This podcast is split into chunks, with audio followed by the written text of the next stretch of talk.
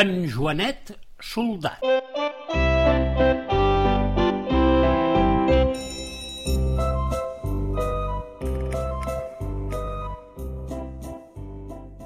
Aquest conte parla del pericó, també conegut com l'herba de Sant Joan, que diuen va molt bé per curar ferides i macadures. Tot va passar en temps de guerra. Aquella va ser una de les guerres més sagnants que recorden. Tots els joves del país van ser cridats a files i cap se'n va lliurar. Feia tants anys que es lluitava que els fills havien succeït els pares en la guerra i ja es preparaven els fills d'aquests per fer el mateix. Ningú no se'n recorda com havia començat aquella guerra. Solament sabien el que els hi deien el general. Davant vostre hi ha l'enemic de la pàtria i cal lluitar, si convé fins a la mort per salvar-la. En Joanet era un pastor que també havia estat cridat a la guerra. Just quan va fer 16 anys, uns senyors d'uniforme el van anar a buscar a la muntanya i li van dir que tenia 48 hores per arreglar els seus assumptes i presentar-se al quarter general. En Joanet no sabia ben bé què era això d'arreglar els seus assumptes. Potser havia de posar-se el vestit de mudar que feia servir per anar els diumenges al ball del poble. Potser havia de xullar les ovelles i cardar la llana. En Joanet estava fet un embolic. I no és que el noi fos curt de gambals, sinó que, de ben menut, la seva mare l'havia dut a la muntanya per guardar el ramat i allunyar-lo del poble per tal que no se l'enduguessin a la guerra. Per això el pobre sabia ben poc del que passava pel món i així els hi ho va dir als soldats. Però tot va ser endebades perquè en Joanet, fos com fos, havia de presentar-se en 48 hores al quarter general, això sí, després d'arreglar els seus assumptes. El noi, que era molt obedient, va dir-los que així ho faria, però que abans aniria a preguntar al masover de Can Rufau, que era un home que havia viatjat molt, què volia dir allò d'arreglar els seus assumptes.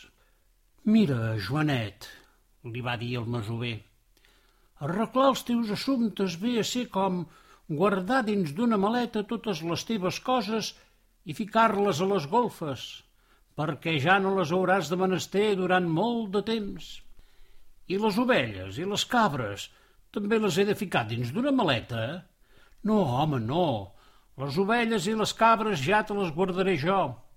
Ara el que has de fer és agafar el més necessari, posar-ho dins d'un sac de viatge i anar a la guerra. Tot el de més, cap a les golfes. Quin mal de cap per en Joanet. Arreglar els seus assumptes, és a dir, ficar dins d'una maleta totes les seves coses i desar-la unes golfes, no era pas difícil. Ben mirat, no tenia massa coses. Un gaiato, una navalla, un parell de samarretes, tres calces, dues samarres, unes espardenyes, un paraigua... Ah, i el vestit per anar al ball del poble els diumenges. Això ben aviat estava desat, però triar el més necessari per anar a la guerra. Vet aquí quin problema. Quan només faltaven cinc hores per marxar, en Joanet encara no havia triat res. I doncs, set faran els quarts i no marxarem, va dir el masover de Can Rufau. Ja vinc, ja vinc! I sense pensar-ho dues vegades, va replegar un munt d'herba d'un vell racó de bosc que ell sovintejava per a fer la cesta i el va ficar dins el seu sac.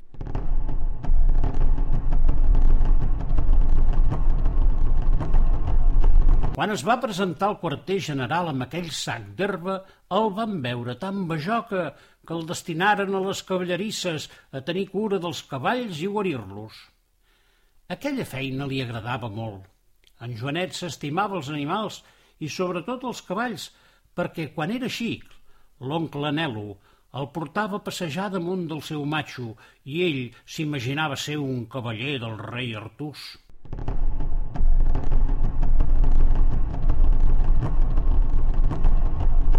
Un bon dia va arribar un cavall greument ferit. No tenia cap pota trencada, però per les seves ferides brollava un munt de sang i el pobre renillava amb gran desesperació. El noi la coronà amb dolcesa i, com que no tenia res mà per aixugar-li les ferides, va utilitzar les herbes del seu sac. Poca estona després, les ferides havien deixat de sagnar i el cavall estava del tot tranquil. Quan l'amo del cavall va arribar per sacrificar-lo, va veure amb sorpresa que l'animal dormia plàcidament i que les seves ferides eren tancades i cicatritzades. Què li has fet al cavall, noiet? No res, senyor. Solament tenir cura d'ell i fer-li fregues amb les herbes del meu sac. La notícia es va escampar com a regaró de pólvora i tots els soldats de la secció de cavalleria volien portar el seu cavall a les cavallerisses d'en Joanet.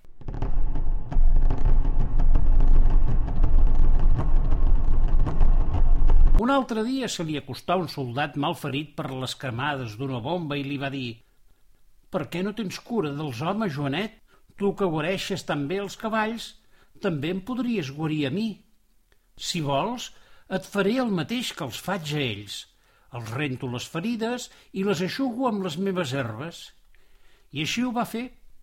Poques hores després el soldat tenia cicatritzades les ferides i ja no li feien tan mal.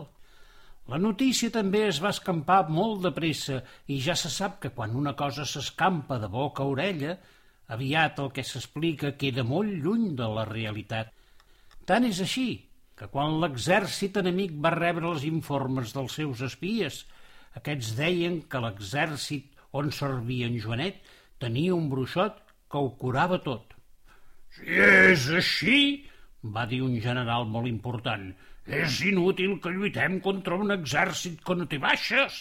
Aviat ens superaran en números perquè, mentre els nostres soldats ferits omplen els hospitals, els seus es curen màgicament i tornen al camp de batalla.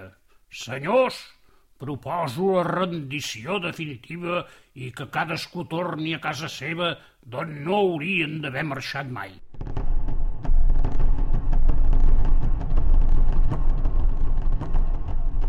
I així va ser que va acabar la guerra. A en Joanet li van oferir honors i medalles, però ell les va refusar. Només volia tornar a casa seva i desempolsar la maleta de les golfes i recuperar les seves coses. De les herbes d'en Joanet, els savis van fer grans estudis i les batejaren amb un nom molt solemne, herba d'hipèric.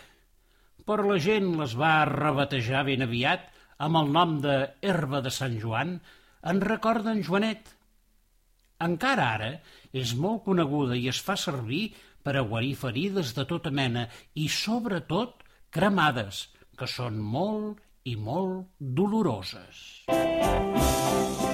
Música